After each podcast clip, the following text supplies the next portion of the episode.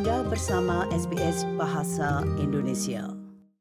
Terima kasih masih bersama dengan SBS Indonesia. Kali ini pendengar, saya kali ini sudah terhubung dengan chaplain dari uh, Catholic Indonesian Community di Sydney, ada Romo Handoko MSc. Umat biasanya memanggil beliau Mohan. Mohan apa kabar? Kabar baik, ya. Selalu Terima- diberkati Tuhan. Amin. Terima kasih sudah boleh Amin. bergabung bersama dengan SBS Indonesia, Mo, karena kalau bulan Desember biasanya sibuk sekali Romo. Itu betul begitu tidak sih? Betul sekali. Persiapan dari masa Advent sampai dengan perayaan Natalnya dan nanti disambung dengan tahun baru. Ya lumayan lah. Karena apa? Karena satu Romo melayani di tiga keuskupan. Jadi ya lumayan lah. Tiga keuskupan yang ada di bawah Keuskupan Agung Sydney. Begitu ya, Mo? Betul. Itu meliputi enam gereja yang saya layani. Oke. Jadi untuk menjelaskan sedikit ke pendengar, berarti kalau setiap hari Minggu harus ke enam gereja yang berbeda, Mo? Eh, tidak sih. Yang tiap minggunya itu saya wajib itu gereja di St. Pius Enmore itu jam 12 siang. Kemudian gereja Our Lady of Rosary di Kensington jam setengah empat. Itu setiap minggu. Kemudian yang lain itu berputar. Sabtu pertama dan Sabtu ketiga itu jam setengah empat di St. Peter Julian di Chinatown. Kemudian minggu kedua saya melayani di Campbelltown jam 6 sore.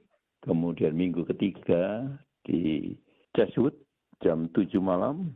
Dan Sabtu terakhir jam setengah delapan di Pennant Hill di gereja Sinagata.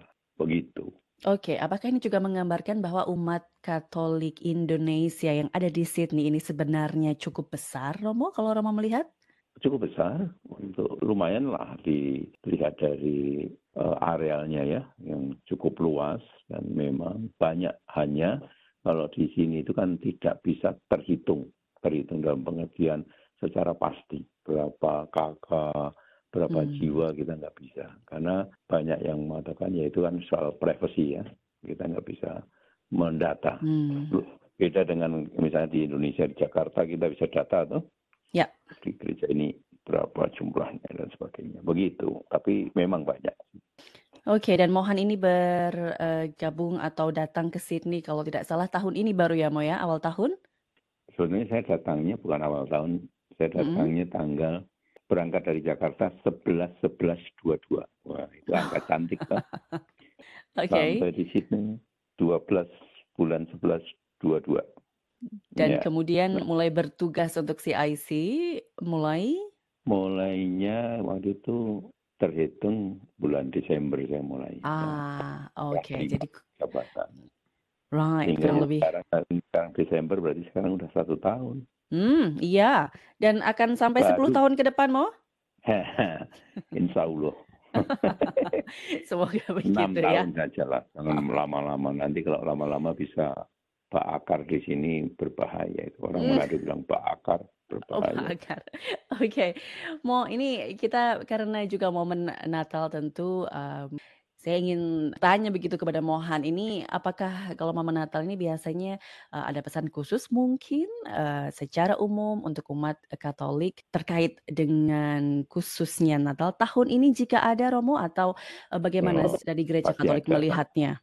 Nah, kita pada tahun ini, ya saya kebetulan mengambil tema yang ada di Jakarta sih. Tema umum untuk perayaan Natal di Indonesia yang dihubungkan dengan KWI, Konferensi Wali Gereja Indonesia, dan PGI, ya, Persekutuan Gereja Indonesia. Yang mengambil tema umum yaitu kemuliaan bagi Allah dan damai sejahtera di bumi. Dan ini yang juga menjadi tema untuk perayaan Natal kita di sini. Bahwa kita diajak untuk merayakan Natal, itu Natal sebagai ungkapan dari kemuliaan Allah. Kemuliaan Allah yang nampak dalam apa? Dalam cintanya, dia mau hadir di tengah-tengah kita, mau solidir dengan kita, mau merasakan bagaimana pergumulan manusia, bagaimana pergumulan kita. Maka yang pertama untuk kita, ya semangat ini yang harus juga hidup ketika kita merayakan Natal, yaitu semangat bahwa saya merayakan Natal untuk menampakkan kemuliaan Allah. Kemuliaan Allah itu nampak dalam apa? Dalam sisi saya yang solider dengan orang-orang yang ada di sekitar saya. Yang mau peduli, yang punya bela rasa, ini yang harus nampak kalau kita merayakan Natal. Sehingga kalau misalnya saat ini misalnya ya, kita melihat dunia ini misalnya ada perang antara Palestina dengan Israel gitu ya.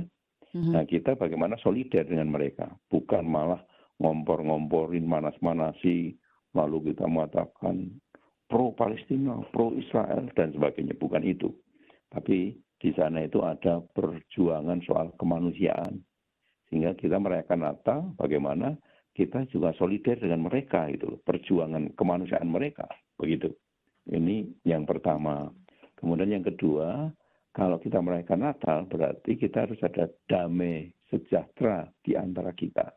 Merayakan Natal berarti kita menawarkan adanya damai sejahtera, yaitu jauh dihubungkan dengan adanya peperangan, kemudian nanti dihubungkan kalau kita orang Indonesia tahun 2024 kan ada pesta demokrasi itu. Nah bagaimana kita juga dengan pesta Natal ini kita juga membawa nanti dampaknya ketika ada pesta demokrasi, yuk kita bawa damai sejahtera untuk dunia, untuk masyarakat Indonesia. Sehingga betul-betul Gema Natal itu menjadi background kita nanti merayakan eh, pesta demokrasi. Ini anjuran saya juga kalau masih yang di Sydney ini masih warga negara Indonesia, mari kita nanti jangan golput, kita memilih lalu mencari pemimpin yang in, integritasnya itu sudah terbukti gitu ya. Jangan kita memilih pemimpin yang integritasnya nggak terbukti, yang bisa loncat sini, loncat sana demi kepentingan pribadi, siapa yang bisa ditunggangin, lalu ditunggangin dan sebagainya demi kepentingan kelompok tertentu. Nah itu saya rasa bukan pemimpin yang diharapkan. Kita ingin supaya nanti Indonesia menjadi Indonesia emas ya kita akan menggapai ke sana. Nah, kita umat Katolik diharapkan betul-betul 100% Indonesia, 100% Katolik. Itu harapannya Tia, begitu. Oke, okay, Mohan. Dan ini apakah pesan uh, Natal ini juga sejalan dengan tema tahunan mungkin kalau ada dari Vatikan atau seperti apa, Mo? Sama, uh, saya rasa kita mengambil itu tadi oleh Indonesia begitu itu secara umum dari Roma ya menganjurkan begitu bahwa kita situasi di dunia ini kan juga peperangan ada di mana-mana. Itu tadi saya sebutkan contoh Palestina kemudian Israel. Dan kita betul-betul merayakan Allah yang solider Allah yang mau untuk ambil bagian Allah yang berbela rasa terlebih dalam memperjuangkan kemanusiaan. Maka Allah mau menjadi manusia karena itu. Sehingga nanti diharapkan kalau kita merayakan Natal ini kita semakin manusiawi loh sehingga ada istilah more human, more divine. Semakin manusiawi, semakin menambahkan sisi ilahi. Ini diharapkan seperti itu. Begitu.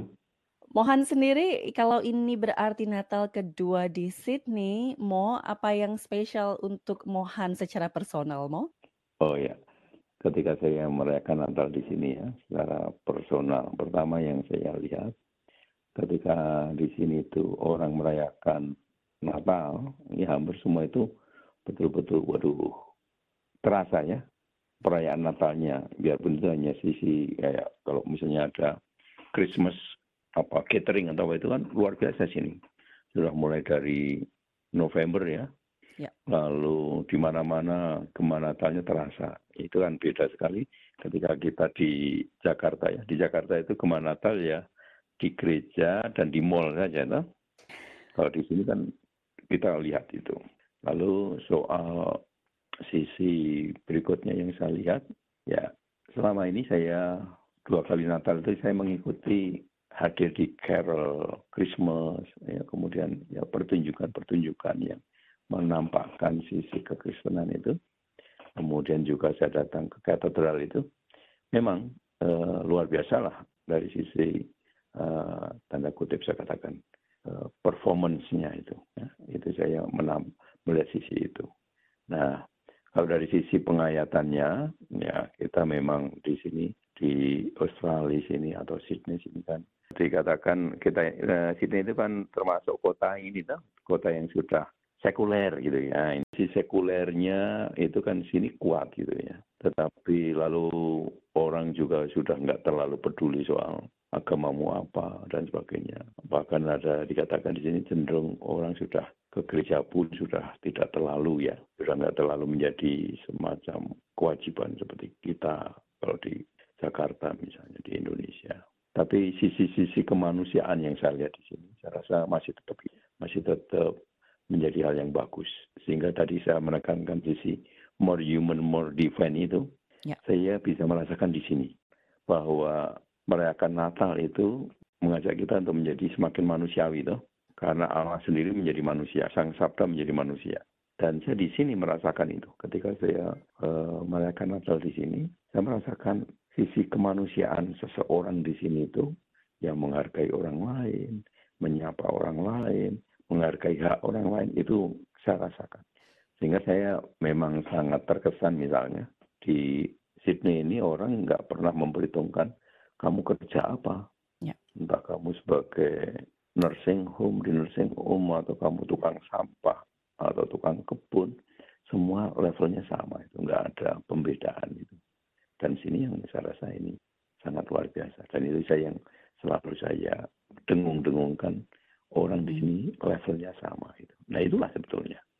Yesus datang untuk mengatakan kita manusia itu istimewa sama-sama terberkati, hmm. sama-sama dikendaki Allah. Nice, well said, Romo. Romo mungkin boleh eh, menyampaikan ucapan selamat Natalnya untuk uh, umat Kristen Katolik yang ada di Australia, Romo? Ya, oke. Okay. Nah, untuk umat Katolik dan umat Kristen yang lain di Sydney dan sekitarnya, saya Romo Handoko yang sering disebut Mohan ingin menyampaikan selamat Natal untuk kita semua, para pengikut Tuhan, ya pengikut Kristus.